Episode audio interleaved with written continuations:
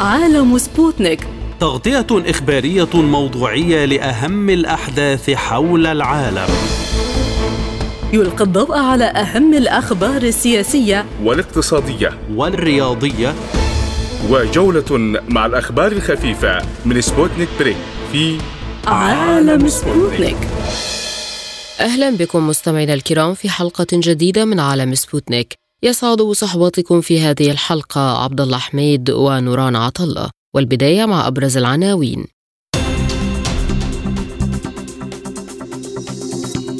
إطار جديد لصفقة تبادل الأسرى بعد مفاوضات باريس ومظاهرات ضاغطة على نتنياهو تطالب بانتخابات مبكرة. إعلام عبري يقول إن إسرائيل سترسل لمحكمة العدل الاثنين اختارا رسميا يؤكد التزامها بالإجراءات المؤقتة. لجنة خبراء مستقلة بالأمم المتحدة تدعو لفرض حظر فوري على توريد الأسلحة لإسرائيل. البنتاغون يجري عشرات التحقيقات في انتهاكات إمدادات الأسلحة إلى كييف. اقتصاديا وزير النفط العراقي يقول إن أوبك لديها خطة مستقبلية لزيادة الإنتاج بنسبة 16%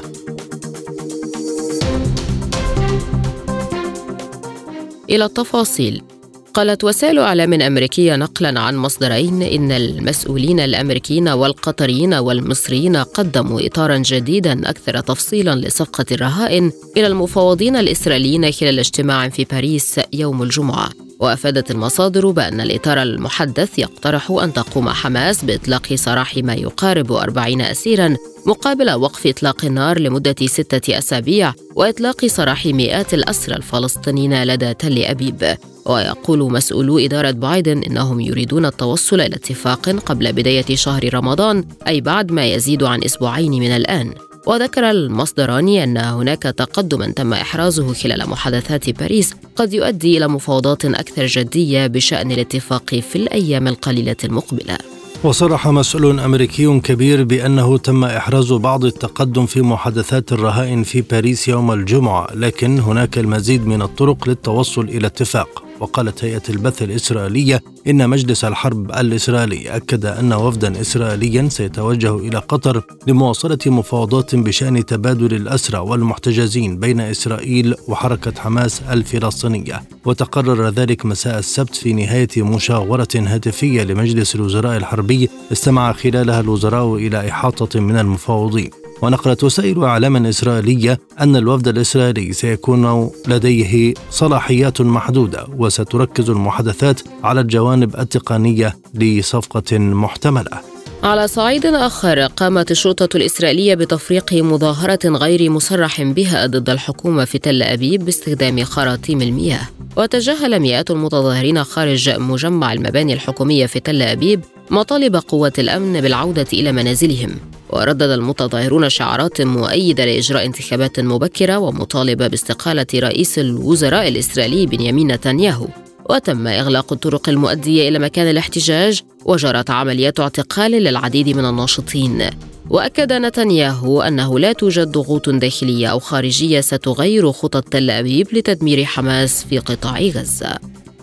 من رام الله ينضم إلينا الكاتب والمحلل السياسي الأستاذ جهاد حرب. أهلا بك سيدي الكريم. ماذا يعني هذا الإطار الجديد الذي يتحدث عنه الإعلام ومتى يمكن إعلان تفاصيله؟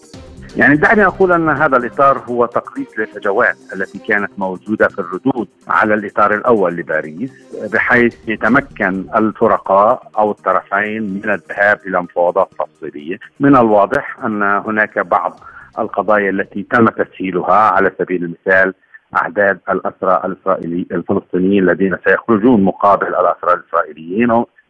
والقول أن هناك عدد من الأسرى ربما يكون قليل تختارهم حركة حماس ممن لديهم سنوات طويلة في الأسر وهم محكومون احكاما عالية وقد يكونوا ممن حسب اقوال اسرائيل ممن تلطخت أيديهم بالدماء. أي كسر لقاعدة سابقة كانت تمنع إسرائيل إخراج أعداد من هؤلاء الأشخاص. وإمكانية عودة أعداد من المواطنين الفلسطينيين آه، من النازحين من جنوب قطاع غزة إلى شمال قطاع غزة بالإضافة إلى إدخال المساعدات أو التوسع في إدخال المساعدات وخروج آه، جنود الاحتلال الإسرائيلي من التجمعات السكانية في قطاع غزة. أي تراجع حركة حماس في ذات الوقت عن خروج جميع قوات الاحتلال الإسرائيلي من قطاع غزة بشكل كامل من أجل إبرام هذه الصفقه وبالتالي هناك على ما يبدو تقليص لبعض الفجوات التي كانت موجودة وعمل عليها الوسطاء العرب والإدارة الأمريكية. هناك معلومات حول تبادل 40 رهينة مقابل 300 أسير فلسطيني ووقف إطلاق النار لمدة أسابيع ما حقيقة ذلك؟ هذا العنوان الأبرز آه لكن أنا ما قلته هو بعض التفاصيل التي رشحت بكل تأكيد هي الصفقة الرئيسية وقف إطلاق نار أو هدنة لمدة ستة أسابيع تقريبا مع إطلاق المدنيين سراح المدنيين الإسرائيليين الموجودين في أسرى في قطاع غزة مقابلهم بعض المطالب التي قدمتها المقاومة الفلسطينية. هذا العنوان الكبير والتفاصيل ما ذكرته قبل قليل وبالاضافه إلى أن هناك بعض التفاصيل الدقيقة التي ستكون مسار نقاش ومفاوضات بين الطرفين الفلسطيني والإسرائيلي والحكومة الإسرائيلية أوفدت وفدا من الأمن الإسرائيلي إلى قطر للتباحث حول التفاصيل والآليات أيضا لأن هناك مسائل متعددة ومركبة ليست فقط تتعلق بالإفراج عن اسرى إسرائيليين ووقف إطلاق النار أو هدنة لمدة ستة أسابيع، ننتظر أيضا هناك مفاوضات لمرحلة تالية، ما قلته من التقليص هو محاولة لتخفيف التوتر القائم من أجل آه، رؤية آه، أفق للهدنة قبل شهر رمضان ومن لأن هناك الأطراف الثلاث الفلسطينية والإسرائيلية والولايات المتحدة الأمريكية لديهم حاجة للوصول إلى مثل هكذا هدنة. انظر على سبيل المثال في إسرائيل تتعاظم المظاهرات المطالبة بتنحية نتنياهو ليس فقط المظاهرات المتعلقة بتبادل الأسرى. وهذا الأمر يقلق نتنياهو في زيادة أعداد الأشخاص الذين يتظاهرون والعنف الذي يجري في هذه الأثناء.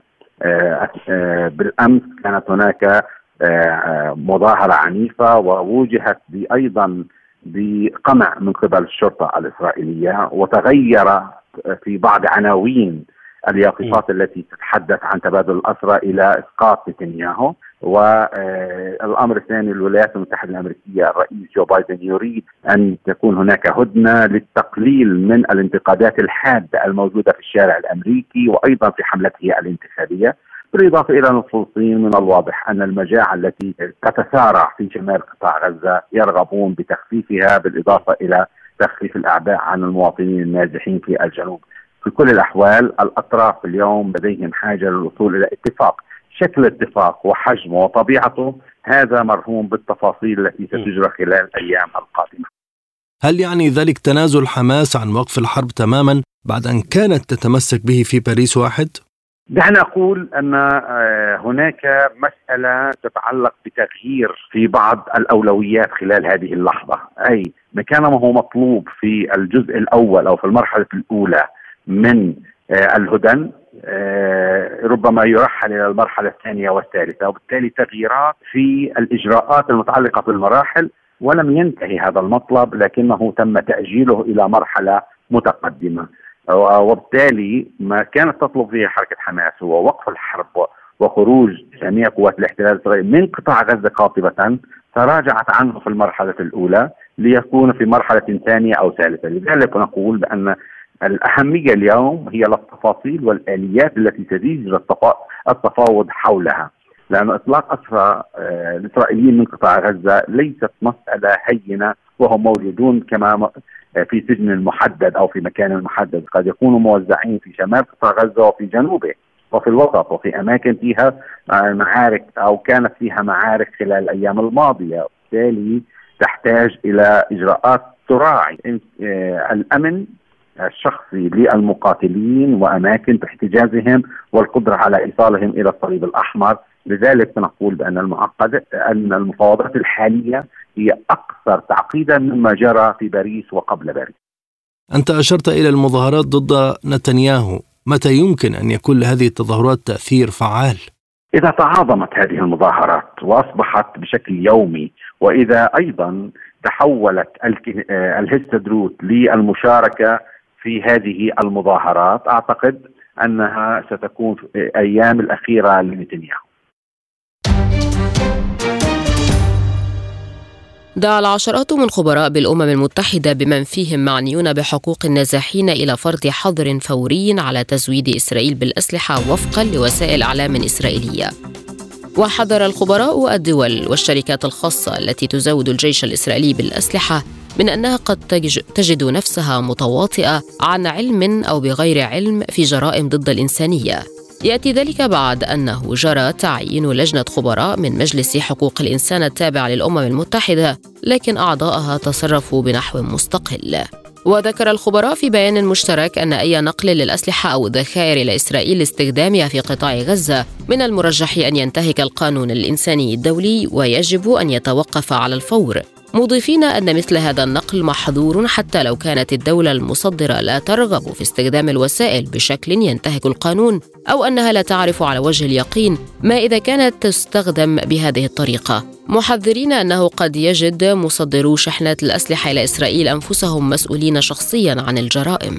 وذكرت لجنة الخبراء نيابة عن مجلس حقوق الإنسان التابع للأمم المتحدة في بيانها أن القضاة قرروا بالفعل أن هناك خطر إبادة جماعية في قطاع غزة موضحة بذلك دعوتها إلى وقف جميع شحنات الأسلحة إلى إسرائيل في ظل الظروف الحالية. كما علق المفوض السامي لحقوق الإنسان التابع للأمم المتحدة فولكر تورك الليلة على ما يحدث في قطاع غزة قائلا جميع منتهكي حقوق الإنسان في الحرب بين إسرائيل وحماس يجب أن يقدموا إلى العدالة. وأضاف أن الإفلات من العقاب يسهم في استمرار انتهاك القانون الدولي ولا يمكن استمراره. وفي بداية الحرب اتهم مجلس حقوق الإنسان التابع للأمم المتحدة إسرائيل بانتهاك القانون الدولي مؤكدا أن الهجمات واسعة النطاق هي عقاب جماعي لجميع سكان القطاع. وفي الأسبوع الماضي أمرت محكمة الاستئناف في هولندا الحكومة في لاهاي بوقف جميع صادرات قطع غيار طائرات F-35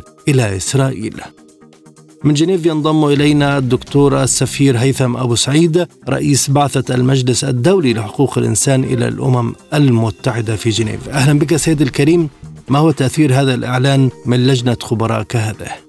نعم مساء الخير لك ولكل المستمعين. أولا بداية دعني أشير إلى أنه ما آه، قامت به اللجنة آه، من توصيات يستند إلى ثلاث قرارات. القرار الأول هو قرار لمجلس الأمن رقم 2648 لسنة 2022 الفقرة ألف تحديدا الألف والحاء. ثانيا قرار أيضا مجلس الأمن رقم 2399 لسنة 2008 ألف أيضا ألف وحاء. وثالثا المبادئ التوجيهية للجنة المادة العاشرة الفقرة ألف وكاف. هذه ثلاث مقررات الأممية هي التي استندت عليها من أجل دعم حظر توريد الأسلحة إلى أي كان خصوصا أننا اليوم نشهد هناك توريد أسلحة للكيان الإسرائيلي عن طريق الولايات المتحدة الأمريكية وهذا يعني معروف ويطلق جهارا ولا نقول سرا أو نفضح أي سر لماذا اضطر الخبراء إلى التصريح بشكل مستقل عن المنظمة الأممية رغم أنهم يتبعون لها؟ لا المقررين لهم حيثياتهم الخاصة أيضا واتفقوا فيما بينهم أن يطلقوا هذا النداء حتى يعني يكون هناك هامش من العمل إذا أردت الاممي والدولي، لذلك قراراتهم هي أيضا تؤخذ بعين الاعتبار بشكل جدي ولكن أعطي هذا الأمر بعض من الهامش للتحرك حتى لا يقال أن هناك تأثير مباشر على قرارات غدا هيئة محكمة العدل الدولية.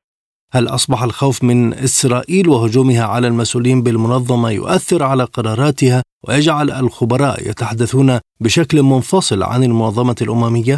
لا لا لا طبعا لا نحن كلنا سواء كنا معتمدين أو أو تابعين للمنظومه الأممية. لا نخشى أي خشية. لا هذا ليس الموضوع. وإذا كان هناك من تهديدات نحن تعودنا عليها سواء كنا نحن أو غيرنا في هذه المجالس الدولية. ولكن كما أشرت لك هناك هامش للتحرك حتى لا يقال أن هذا الأمر يؤثر. وإذا كان هناك من خشية كما تقول أعتقد بانه هذا الأمر بات وراءنا خصوصا انه الأمين العام للأمم المتحدة السيد أنطونيو غوتيريس كان واضحا وصريحا والسيد فولكر تيرك المفوض السامي أيضا لحقوق الإنسان هو واضح وصريح ونحن كلنا نقف خلف هذه التصريحات وهذه البيانات المسؤولة.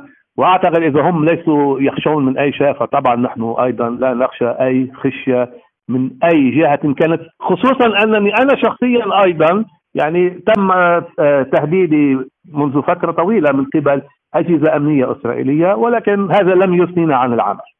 اللجنة حذرت من التواطؤ في ارتكاب جرائم ضد الإنسانية فهل يفيد ذلك في القضايا بمحكمة العدل الدولية والجنائية الدولية أيضا؟ طبعا لأنه التواطؤ واضح. يعني أنت اليوم تبطن شيء وتقول شيء في العلن آه، شيء مختلف. لذلك الإبطال هو الذي يخيفنا. يعني أنت عندما تصرح بموضوع ولكنك تعمل عكسها في الخفاء وراء الكواليس فطبعا هذا أمر يجب التنبه له والتنبيه له أيضا لعدم الانزلاق إلى أي آه، أتون قد يؤثر في مسار القرار الدولي. هذه الملفات والتقارير المتعددة هل يمكن من خلالها للجانب الفلسطيني معاقبة كل الدول التي تدعم إسرائيل في حربها على غزة؟ طبعا هذا بحاجة أيضا لمسار آه، مختلف نحن اليوم آه، نوجه هذه المشكلة تجاه الكيان الإسرائيلي وطبعا آه، إذا ما أصرت المحكمة ومن يظهره التحقيق عندها يمكن أخذ هذا الأمر باتجاه هذه الدول ولكن أنا أعتقد بأنه إذا ما يعني آه، باشرت في آه، محاكمة الكيان الإسرائيلي وإدانته بشكل مباشر. أعتقد بأن هذا الأمر أكثر من كاف وهذا سيردع باقي الدول من يعني التمادي في هذا الشأن. هل توجد لدى إسرائيل أمور ترتكز عليها خاصة وأنها مستمرة في الحرب؟ نعم غدا ستقوم إسرائيل بإرسال رسالة رسمية إلى محكمة العدل الدولية. تلزم فيها نفسها بالقرارات التي صدرت عن محكمة العدل الدولية في 26 يناير 2024 وبذلك تكون هي قد وضعت نفسها ضمن تطبيق المحاسبة فيما لو لم يعني تلتزم بهذا الأمر. أنا لا أعتقد بأنه يعني آه، ستتجرأ أكثر من ذلك. ولكن بنهاية المطاف هذه إسرائيل ونحن كلنا نعلم بأنها تجمح في اللحظات الأخيرة. لذلك نأمل أن تكون هذه المرة فعلا ملتزمة بما ستوقع عليه لأنها ستكون رسالة رسمية موقعة من قبل السلطات الإسرائيلية تلتزم فيها بكل مقررات محكمة العدل الدولية. قالت وسائل إعلام إسرائيلية إن إسرائيل سترسل وثيقة رسمية إلى محكمة العدل الدولية في لاهاي تعلن فيها أنها تنفذ فعليا الأوامر التي قررتها المحكمة قبل شهر والتي نظرت دعوى قضائية رفعتها جنوب إفريقيا تتهم تل أبيب بارتكاب جريمة إبادة جماعية في قطاع غزة. وأصدرت محكمة العدل الدولية ستة أوامر. أمر أحدها إسرائيل بتقديم تقرير مكتوب في السادس والعشرين من فبراير يوضح بالتفصيل كيفية تنفيذها للأوامر. وأمرت المحكمة تل أبيب باتخاذ إجراءات لمنع ومعاقبة التحريض المباشر على الإبادة الجماعية والسماح بإدخال المساعدات الإنسانية إلى غزة وضمان عدم ارتكاب قواتها إبادة جماعية واتخاذ إجراءات لتحسين الوضع الإنساني وتقديم تقرير إلى المحكمة في غضون شهر واحد حول ما تفعله لتنفيذ الأمر.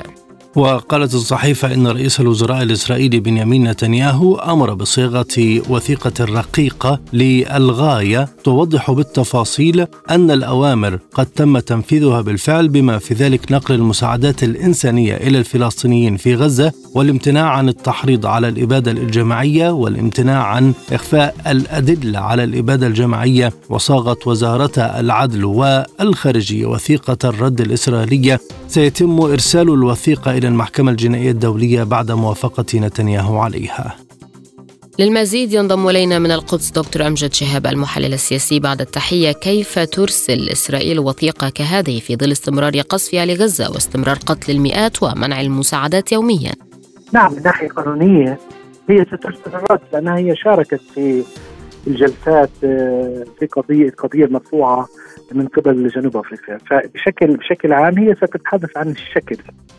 يعني ستتحدث بأنها أصدرت أوامر بتجنب قتل المدنيين وأصدرت أوامر للجيش ولكن آه، ما يحدث هو عبارة عن آه، بالمصطلح الفرنسي دوماج كولوتيرال يعني أضرار جانبية ما يحدث.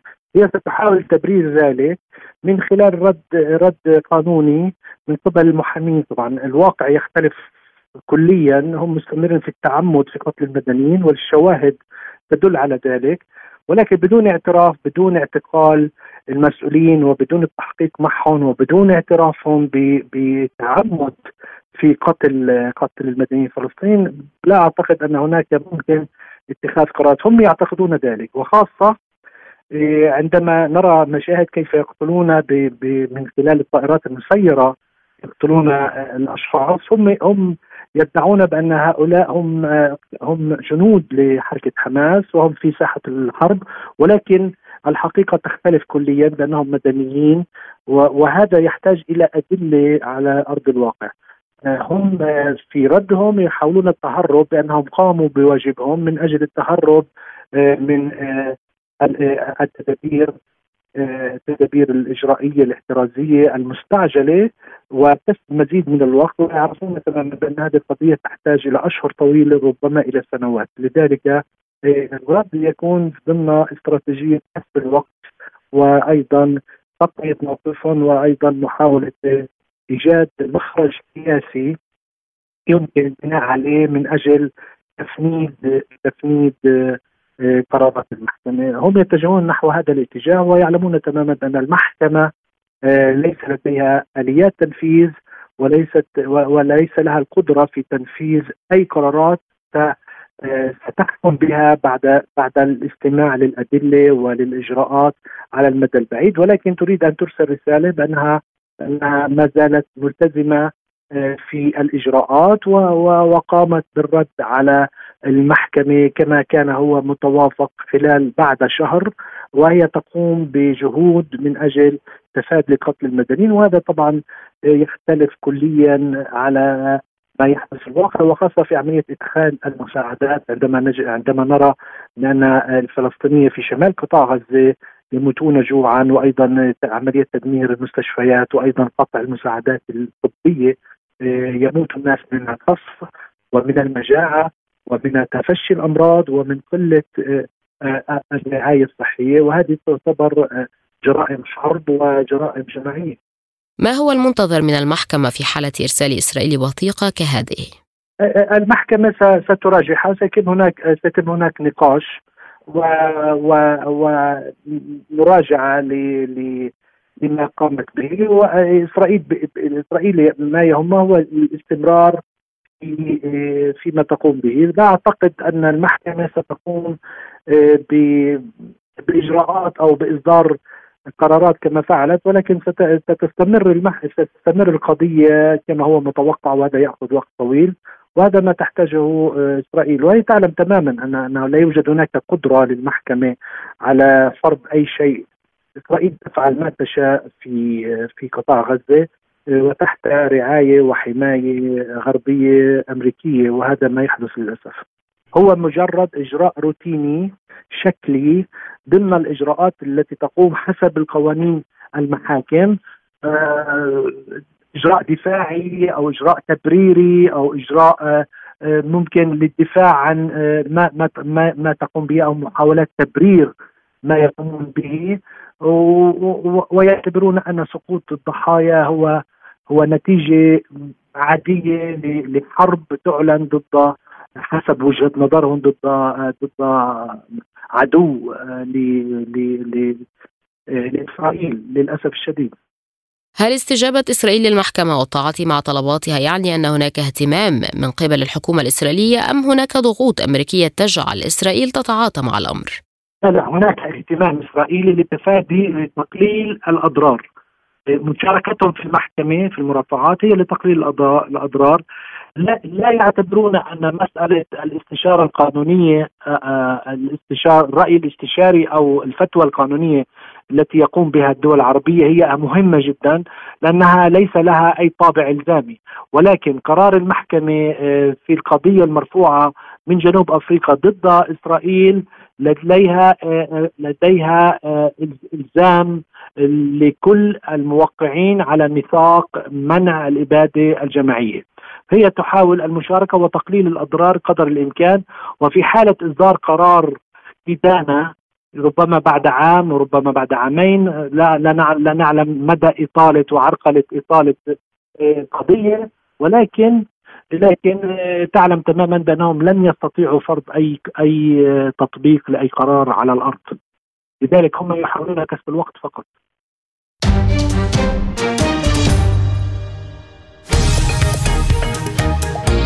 عالم سبوتنيك يغطي جميع الأحداث السياسية والاقتصادية والرياضية حول العالم. على مدار ساعة تتابعون عالم سبوتنيك مع أهم خبراء التحليل السياسي والاقتصادي.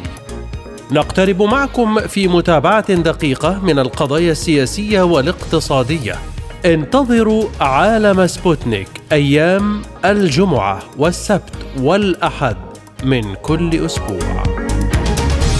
ملفات ساخنة. في ملفات ساخنة نستعرض القضايا مع جميع الأطراف ومن كل الزوايا لاستجلاء الحقيقة. ملفات ساخنة. يستضيف أهم الخبراء وأجرأ الضيوف. تابعوا ملفات ساخنة مع راديو سبوتنيك أيام السبت والثلاثاء والخميس من كل أسبوع. صرح المفتش العام في البنتاغون روبرت ستورتش أن وزارة الدفاع الأمريكية تجري عشرات التحقيقات الجنائية في مخالفات قضية تتعلق بالمساعدات المقدمة لأوكرانيا بما في ذلك الاحتيال في المشتريات واستبدال المنتجات والسرقة والاحتيال والفساد. ونقلت صحف أمريكية عن المفتش العام ستورتش قوله في مؤتمر صحفي إن الانتهاكات وصلت إلى مراحل مختلفة والتحقيق يشمل قضايا الاحتيال في المشتريات واستبدال المنتجات والسرقة والاحتيال أو الفساد وسوء الاستخدام. وفي المجمل وفقا للمفتش العام فتحت وزارة الدفاع الأمريكية أكثر من خمسين تحقيقا جنائيا في هذه الانتهاكات كما أوضح أن بعض التحقيقات تجري ضد مقاولي الوكالة. وحذر ستوريتش أيضا من أنه من المحتمل إجراء المزيد من التحقيقات في إساءة استخدام المعدات الأمريكية أو تحويلها نظرا لكمية وسرعة المعدات المتدفقة إلى أوكرانيا. ويقود البنتاغون جهود واشنطن إلى جانب وزارة الخارجية والوكالة الأمريكية الدولية لمراقبة ما يقرب 113 مليار دولار من المساعدات والأموال المخصصة لأوكرانيا والتي لم يتم إنفاقها كلها كجزء من التحالف الأطلسي. رغم هذه المشكلات قال ستوريتش إن البنتاغون استجاب حتى الآن بشكل جيد لاحتياجات المساعدة العسكرية لأوكرانيا مبديا المرونة اللازمة لتنفيذ ما هو في الأساس مهمة تدريب وإمداد قبل وصول الكثير من المعدات إلى أوكرانيا من عمان ينضم إلينا دكتور جمال الشلبي أستاذ العلوم السياسية بالجامعة الهاشمية بعد التحية هل يعني ذلك أن شبهات الفساد قد تطال إدارة الرئيس بايدن؟ بالتأكيد يعني الإعلام في الغرب وخاصة في الولايات المتحدة الامريكيه هو إعلام حر وقادر على أن يصل إلى المعلومات وقادر على أن يضع الأمور في نصابها آه، ضمن آه، ربما وثائق قد حصل عليها وهذه ليست المرة الأولى التي يشير بها الإعلام إلى وجود علاقة ما بين ابن الرئيس الأمريكي وبعض المسؤولين الكبار في كييف. فبالتالي أعتقد إنه يعني لا دخان بلا نار وهذا النار وهذا الدخان تكرر أكثر من مرة. ولكن اليوم في ظل هذا الإعلان الإعلامي وفي ظل هذا السباق المحموم الذي سيبدأ بعد فترة بعد سبع أشهر تقريبا أعتقد سيضر بشكل أو بآخر بإمكانية حصول الرئيس الأمريكي الحالي جو بايدن على أي دعم من المواطنين ومن دافعي الضرائب الأمريكان خاصة وأن هناك في أيضا شبهه شبهة متعلقة بالدور غير الأخلاقي وغير الإنساني وغير القانوني لإدارته في الملف آه إسرائيل والحرب وحربها على غزة. كيف يؤثر ذلك على مجريات الانتخابات الرئاسية القادمة؟ يعني بالتأكيد هناك كما قلت هناك في دولة ديمقراطية، هناك في أحزاب، هناك في محاكم، هناك في رأي عام إلى حد كبير يعي يعي ماذا تفعل النخبة السياسية ويعي أن أن أن ما تقوم به هذه النخبة هو من من جيوبها وبالتالي المال هناك مقدر والملك مراقب بشكل كبير لأنه إذا لم يكن بشكل مباشر يكون هناك عبر وسائل الإعلام، عبر البرلمان، عبر الكونغرس وما شابه ذلك، أو عبر لجان تحقيق آه، متخصصة، فبالتالي هذا الأمر بلا شك إنه أمر مهم في عقلية وفي ذهن المواطن الأمريكي العادي الذي يبحث عن آه، الحفاظ على أمواله. وهذا جزء لا يتجزأ من عقلية النظام السياسي المالي والاقتصادي الأمريكي. الأمريكي وحتى القانوني الذي يحفظ آه، أموال الامريكان ويدافع عنها، فما بالك عندما يكون الرأي العام مطلع ومدرك إلى أي درجة هذا الرئيس أو هذا الحزب أو هذه الفئة تستغل أموال الشعب من أجل آه، اولا إما لخدماتها المتعلقة بالأحزاب أو حتى في آه، أمور داخلية أو أمور شخصية كما هو الحال مع الرئيس جو بايدن وابنه. إلى متى تستمر هذه التحقيقات وهل اعلان النتائج سيكون سريعا؟ آه، طبعا هذا الأمر لا يمكن أن يأخذ بشكل سريع إلا إذا كان يعني مسيس بشكل أو بآخر. ولكن بالتأكيد أن إدارة بايدن اليوم ربما يعني تحضر نفسها للخروج. هناك في انتخابات قادمة. الوضع لدى المعسكر الديمقراطي غير مريح تماما له خاصة بعد كما قلت دارت إدارته للملف الإسرائيلي وفي حربها ضد غزة. ومن ثم أصبح هناك في تشكيك في قدرته. اولا لأنه لم يأخذ الموقف المتوازن كدولة عظمى. وثانيا هناك في ربما رجل كهل غير قادر على أن يعبر عن حقيقة الدور الأمريكي والموقف الأمريكي بشكل كامل. وثالثا أنا بظن أن هناك في إحساس أن القواعد الشبابية في المعسكر آه، الحزب الديمقراطي غير راضية تماما عما يقوم به الرئيس الأمريكي، فإذا جاءت هذه الضربة الجديدة متعلقة بنزاهة وفي ربما حوكمة المال المتعلق بالدولة الأمريكية، أظن ستكون ضربة قاضية للحزب وللرئيس الأمريكي، وبالتالي هذا أنا ما أعتقد يعتمد على آه، إدارة هذا الأمر الملف من الإعلام. فهل الإعلام هو سيفيد الحزب الجمهوري؟ هل الإعلام موجه من قبل الجمهور لكي يركز عليها أم أنه ربما تكون يعني يعني سحابة صيف أشك في ذلك لأن الأمر بالتأكيد أنه عندما بدأ الآن فهذا يعني بالناس سيأخذ مجرى وسيعلق عليه من الكثير من الصحف والمجلات والمحطات الفضائية الأمريكية وغيرها. ما تأثير ذلك على استمرار الرغبة في تزويد كييف بمزيد من الأسلحة؟ بالتأكيد هناك في إحساس حتى قبل هذا يعني التقرير أو حتى هذه يعني الشكوك حول العلاقة المشبوهة بين الرئيس الأمريكي أو بعض من أقاربه في في ملف تزويد أوكرانيا أو استغلال بيع أسلحة، أظن هناك في إحساس لدى الشعب والرأي العام الغربي ومنه الأمريكي أن لا فائدة ولا طائل من دعم أوكرانيا لأن النتيجة صفر إلى الآن. يعني نتحدث عن أكثر من 100 مليار تم دفعها وتم إقرار حوالي 60 مليار قبل أسبوعين للإدارة في كييف. أيضا هناك إقرار مالي كبير من جانب الاتحاد الأوروبي 50 مليار على مدى خمس سنوات قادمة. فأعتقد هذه الأموال الطائلة التي يدفع تدفع من جيب أصحاب الضرائب في أوروبا وفي أمريكا وخاصة في أمريكا أعتقد أنهم بدأوا يشعروا بأنه لا فائدة ولا طائل وهذه تذهب إلى إلى النار وإلى الشيطان. فبالتالي اليوم في آه، فكرة وفي تحولات داخل المجتمع الأمريكي إنه لماذا ندفع لأوكرانيا؟ في حين أن هناك في آه، شبهات كبيرة تحوم حول القيادة العسكرية حول القيادة السياسية ومن ثم لا نتائج سياسية محققه على الأرض. هذه نقطة.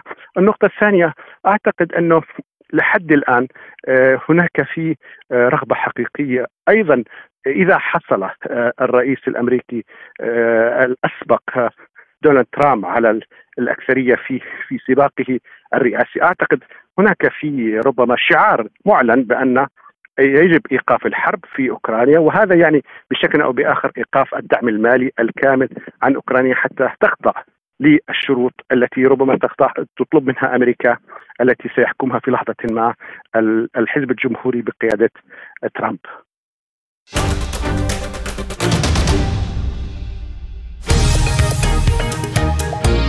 عالم سبوتنيك يغطي جميع الأحداث السياسية والاقتصادية والرياضية حول العالم. على مدار ساعة تتابعون عالم سبوتنيك مع أهم خبراء التحليل السياسي والاقتصادي. نقترب معكم في متابعة دقيقة من القضايا السياسية والاقتصادية، كما نستعرض أهم الأخبار الرياضية والفنية والبيئية.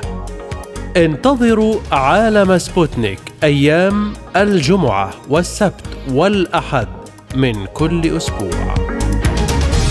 مساحة حرة برنامج يسلط الضوء على أهم القضايا الاجتماعية والاقتصادية حول العالم. في مساحة حرة تنوع في الآراء وثراء في النقاش. الاثنين والخميس من كل أسبوع. أعلن وزير النفط العراقي حيان عبد الغني أن لدى منظمة الأقطار المصدرة للنفط أوبك خطة لزيادة إنتاج النفط الخام إلى 16% خلال السنوات المقبلة فيما أكد التزام بلاده بسقوف الإنتاج الخاصة بالمنظمة. وقال عبد الغني في كلمة له خلال مؤتمر حوار بغداد التواصل الإقليمي إن إنتاج المنظمة حاليا يبلغ حدود 100 مليون برميل وسيصل الإنتاج إلى 116 مليون برميل يوميا بحسب حاجة السوق. وأضاف أن وزارة النفط وضعت خطة طموحة لزيادة الإنتاج لكن العراق جزء رئيس من منظمة أوبك وملتزم بسقوف الإنتاج الخاصة بالمنظمة. وحصة العراق بلغت 4 ملايين و600 ألف برميل يوميا وحصل تخفيض قبل عامين وأصبح الإنتاج 4 ملايين و400 ألف برميل يوميا وهناك تخفيضان طوعيان نفذهما العراق ووصل الإنتاج إلى 4 ملايين برميل يوميا لافتا إلى أن الهدف من ذلك المحافظة على استقرار الأسعار وتحقيق التوازن بين العرض والطلب. وتابع عبد الغني قوله إن معظم الحقول النفطية تدار من قبل شركات عالمية وهناك خطط طموحة لزيادة الإنتاج في حقل الرمالة في محافظة البصرة وهو أكبر الحقول حيث يصل الإنتاج حاليا إلى مليون وثلاثمائة ألف برميل يوميا. وسيصل الإنتاج إلى مليون وثمانمائة ألف برميل فضلا عن تطوير حقل الزبير وغرب القرنة وغرب القرنة اثنين مشيرا إلى أن خطط التطوير وزيادة الإنتاج ستكون منسجمة مع المتطلبات العالمية للنفط الخام ومن دون إغراق السوق بفائض النفط. من بغداد ينضم إلينا الخبير الاقتصادي السيد مصطفى أكرم حنتوش. أهلا بك سيد الكريم. ماذا يعني هذا التصريح؟ وهل هناك تململ من فكرة تخفيض الإنتاج لدى بعض الدول؟ السلام عليكم. تصريح مهم للسيد وزير النفط حول زيادة إنتاج أوبك. أوبك تنتج قرابة 100 مليون برميل يوميا. فزيادة 16% نتحدث عن قرابة ال 120 115 مليون برميل. الملاحظة أنه قال ليس أوبك plus أوبك. plus اللي هي روسيا. روسيا إذا حقيقة ما شاركت بهذه الزيادة وهي ممنوعة من المشاركة بالزيادة كأنه هذه الزيادة ستكون على حساب روسيا. بالتالي سينهار اتفاق أوبك بلاس وروسيا سوف تتجه إلى عملية تهريب النفط وعملية بيعه بأسواق السوداء. وهذا حقيقة ما لا ترغب به دول أوبك لأنه قد يؤدي انخفاض أسعار النفط إلى مستويات دون السبعين دولار. دون السبعين دولار حقيقة سعر يعني تجده أوبك غير جيد. أوبك تقتنع بأسعار ما فوق السبعين دولار. فهذا حقيقة من هذه الناحية. متى يمكن أن تبدأ أوبك في زيادة إنتاج النفط؟ تاريخ بدء أوبك لزيادة النفط. أنا لا أعتقد سوف تبدأ زيادة النفط يعني في يعني خلال الستة أشهر الاولى في 24 قد يكون هناك زيادة في الإنتاج في نهاية 2024 وحقيقة زيادة بالانتاج هي عودة من التخفيض السابق قد يكون الذي حصل. أما في هذه الفترة هذه السنة في 24 حتى الحادثه الزيادة ستكون بسيط كلام عن الطلب العالم في 25 26 27 تزايد مع زيادة عدد السكان والحاجات قد يكون هناك زيادة من قبل أوبك. كيف تؤثر الصراعات الحالية في الشرق الأوسط على معدلات الإنتاج والتصدير أيضا مع استمرار أزمة البحر الأحمر؟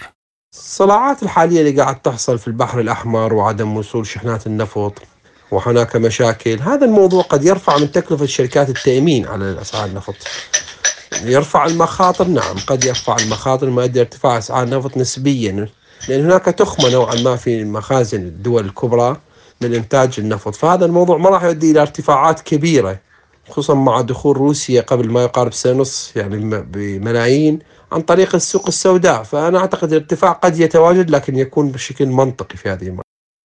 ماذا عن الأسعار الحالية للنفط وهل هي مناسبة لجميع الدول المصدرة؟ الأسعار الحالية اللي فوق مستوى 75 دولار نعم مرضية للدول المصدرة للنفط أوبك ومرضية لروسيا بلاس أوبك بلاس كونها تحاول إنها حتى تبيع هذا النفط بهذه الأسعار والسوق السوداء تكون مستويات ال 50 دولار تناسبها.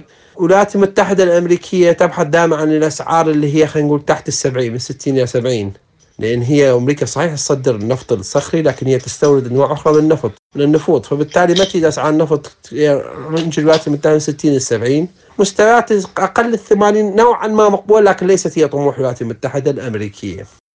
في هذا الملف أيضا ينضم إلينا من عمان الخبير الاقتصادي السيد حسام عايش. أهلا بك سيدي الكريم. ماذا يعني هذا التصريح؟ وهل هناك رفض لفكرة تخفيض الإنتاج لدى بعض الدول؟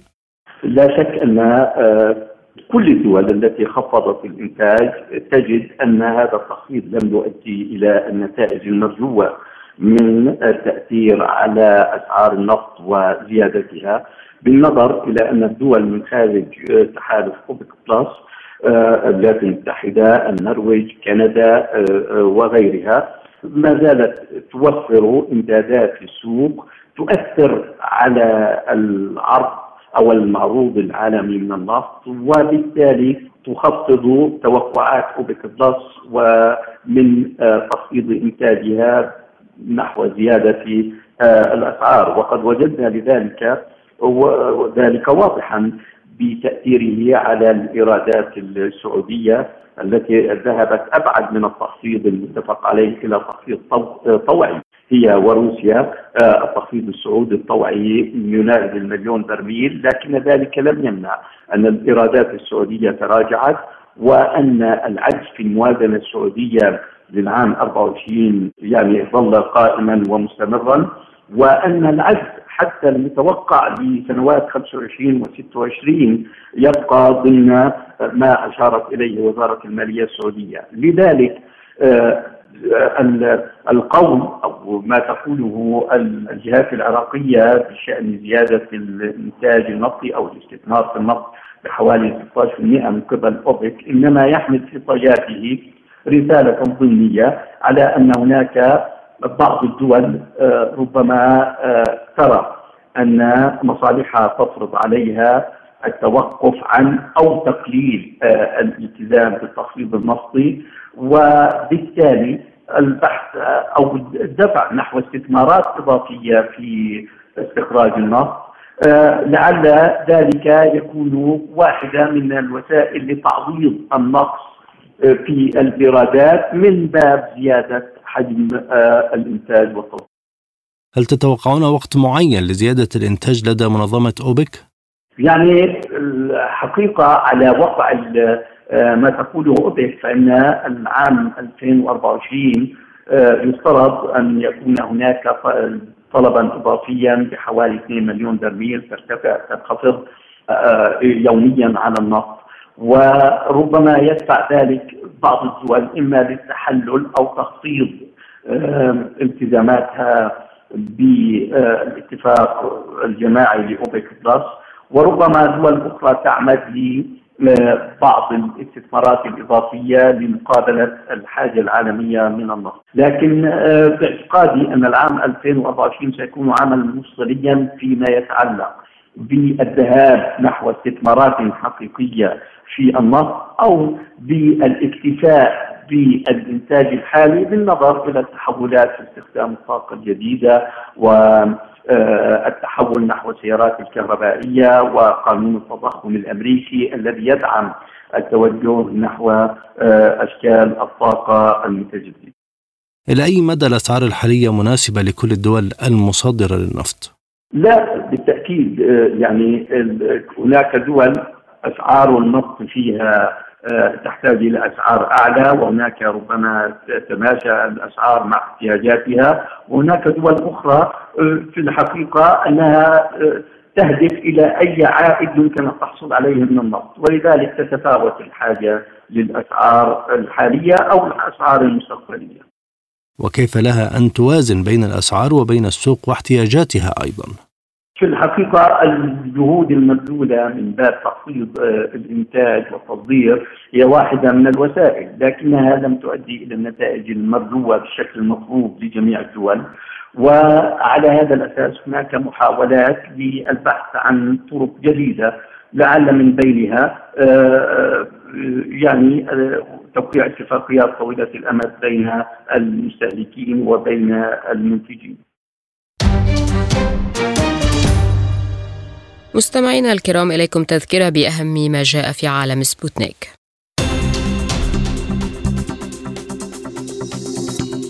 إطار جديد لصفقة تبادل الأسرى بعد مفاوضات باريس ومظاهرات ضاغطة على نتنياهو تطالب بانتخابات مبكرة. إعلام عبري يقول إن إسرائيل سترسل لمحكمة العدل الاثنين اختارا رسميا يؤكد التزامها بالإجراءات المؤقتة.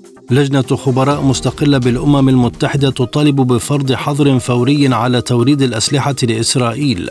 البنتاغون يجري عشرات التحقيقات في انتهاكات إمدادات الأسلحة إلى كييف. اقتصاديا وزير النفط العراقي يقول إن أوبك لديها خطة مستقبلية لزيادة الإنتاج بنسبة 16%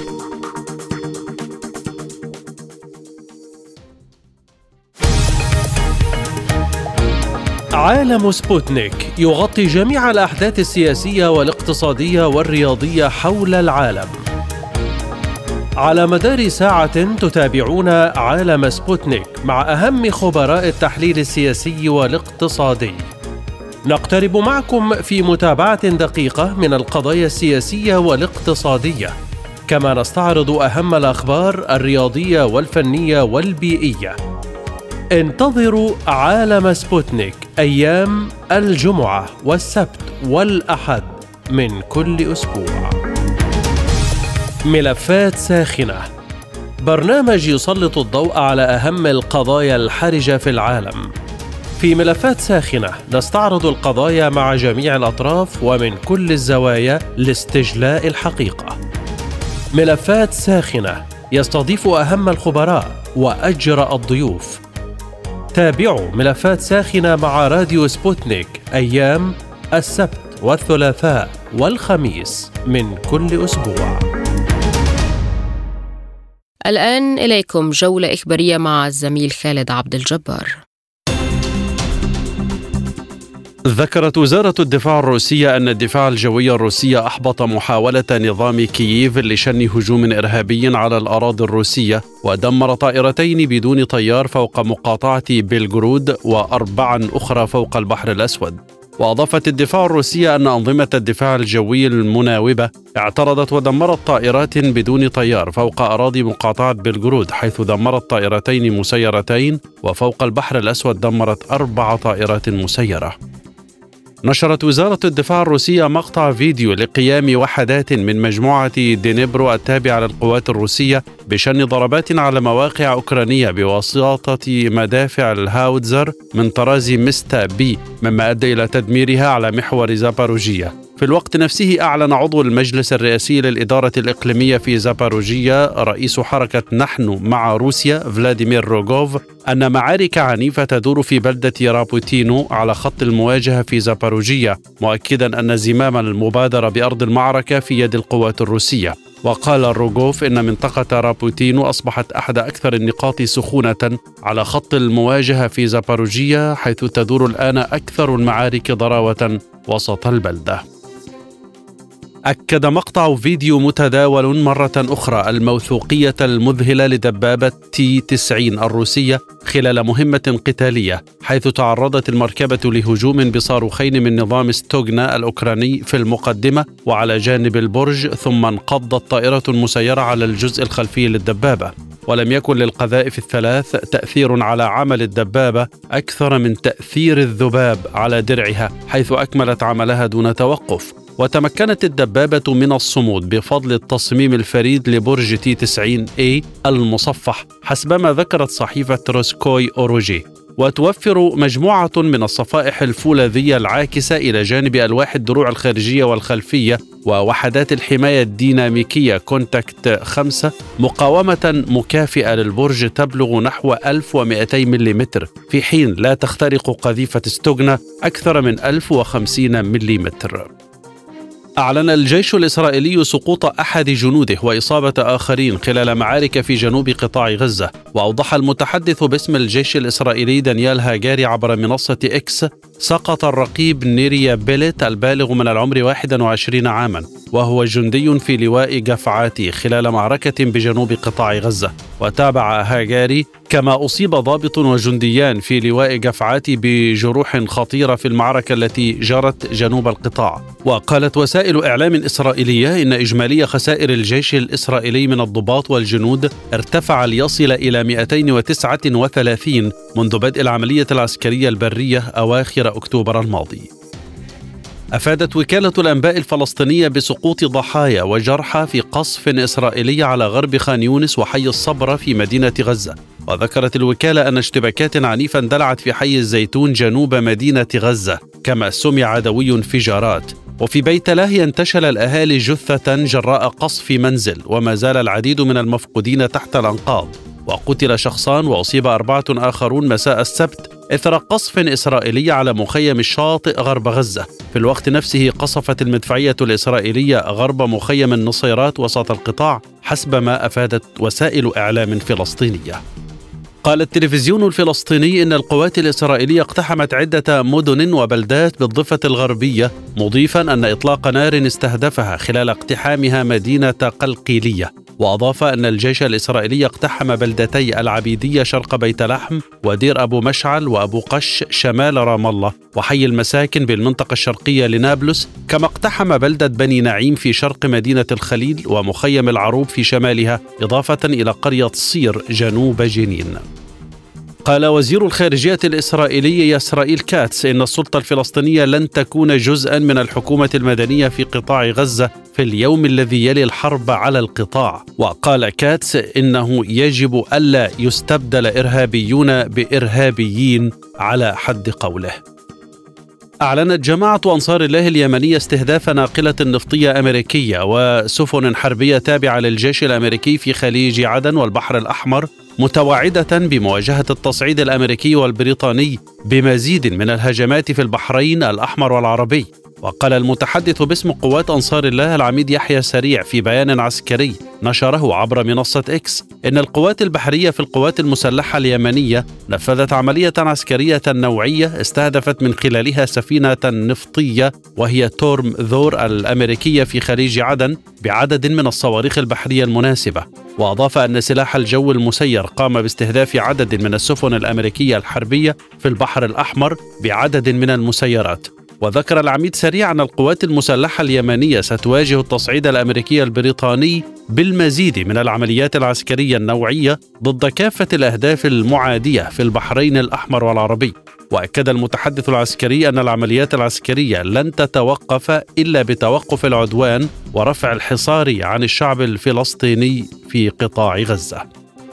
في السياق نفسه قال بيان مشترك لأعضاء تحالف حارس الازدهار إن القوات الأمريكية والبريطانية بدعم من أستراليا والبحرين وكندا والدنمارك وهولندا ونيوزيلندا نفذت ضربات ضد عدة أهداف في المناطق التي يسيطر عليها الحوثيون في اليمن ردا على استهداف السفن العابرة بالبحر الأحمر. وأضاف البيان أن الضربات استهدفت 18 هدفا للحوثيين عبر ثمانية مواقع في اليمن مرتبطة بمنشآت تخزين الأسلحة تحت الأرض ومرافق تخزين الصواريخ وأنظمة الهجوم الجوي بدون طيار ذات الاتجاه الواحد وأنظمة الدفاع الجوي والرادارات وطائرة هليكوبتر أعلن جهاز المخابرات العراقية اعتقال اثنين من قادة تنظيم داعش الإرهابي المحظور في روسيا وعدة دول بعد سنوات من الملاحقة خارج البلاد. وأفاد جهاز المخابرات الوطني العراقي في بيان له بأن القوات العسكرية والأمنية في البلاد تمكنت بنجاح من اعتقال أخطر قادة داعش خلال عملية خارج الحدود.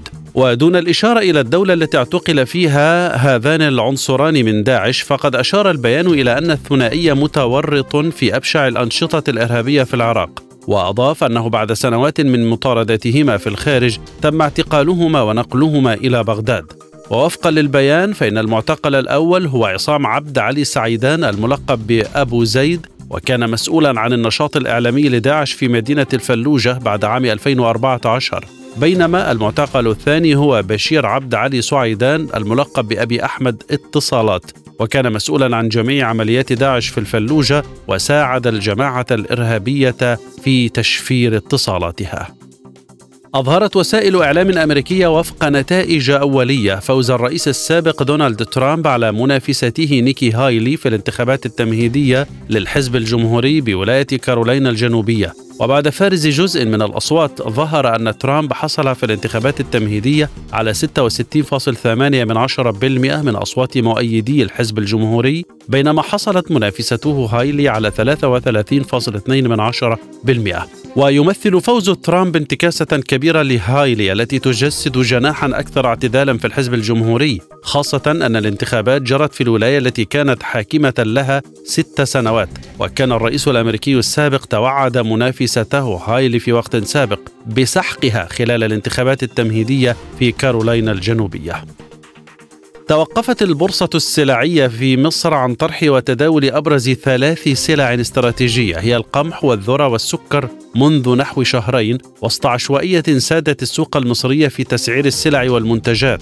حيث كانت آخر جلسة تداول لسلعة السكر في الرابع عشر من ديسمبر من العام الماضي والذرة في الخامس والعشرين من ديسمبر بينما لم تنعقد أي جلسة جديدة لسلعة القمح منذ الحادي والعشرين من يناير.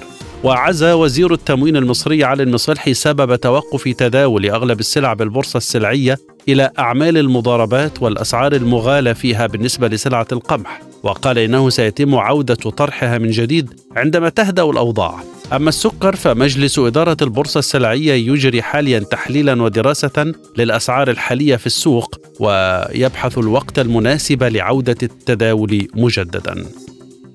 أعلن وزير الطاقة السعودي الأمير عبد العزيز بن سلمان أن شركة أرامكو السعودية تمكنت من إضافة كميات كبيرة للاحتياطيات المؤكدة من الغاز والمكثفات في حقل الجافورة غير التقليدي.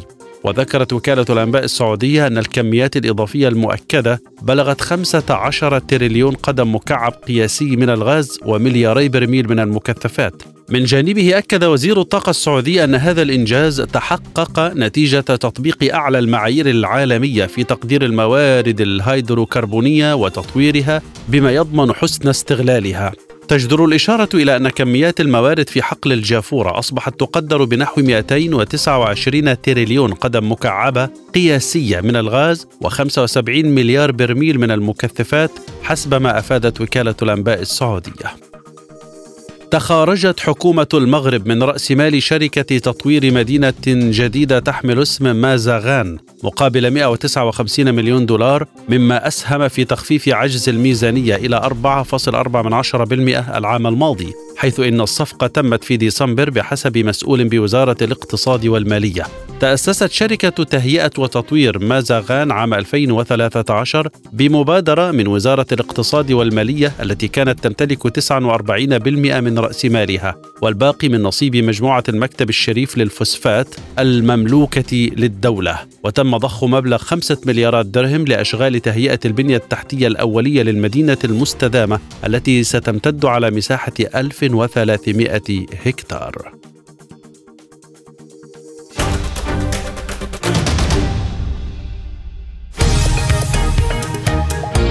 عالم سبوتنيك يغطي جميع الأحداث السياسية والاقتصادية والرياضية حول العالم. على مدار ساعة تتابعون عالم سبوتنيك مع أهم خبراء التحليل السياسي والاقتصادي. نقترب معكم في متابعة دقيقة من القضايا السياسية والاقتصادية.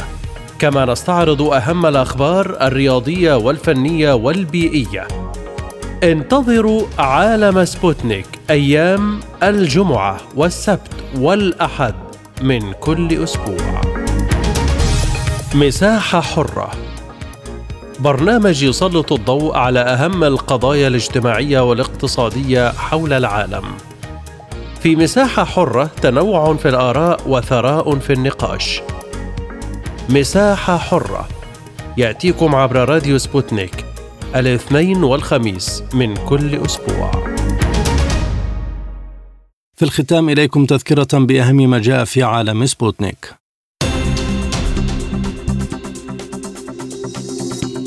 إطار جديد لصفقة تبادل الأسرى بعد مفاوضات باريس ومظاهرات ضاغطة على نتنياهو تطالب بانتخابات مبكرة. إعلام عبري يقول إن إسرائيل سترسل لمحكمة العدل يوم الاثنين. اختارا رسميا يؤكد التزامها بالإجراءات المؤقتة. لجنة خبراء مستقلة بالأمم المتحدة تطالب بفرض حظر فوري على توريد الأسلحة لإسرائيل. البنتاغون يجري عشرات التحقيقات في انتهاكات إمدادات الأسلحة إلى كييف. اقتصاديا وزير النفط العراقي يقول إن أوبك لديها خطة مستقبلية لزيادة الإنتاج بنسبة 16% المزيد زوروا موقعنا سبوتنيك dot ae. إلى اللقاء.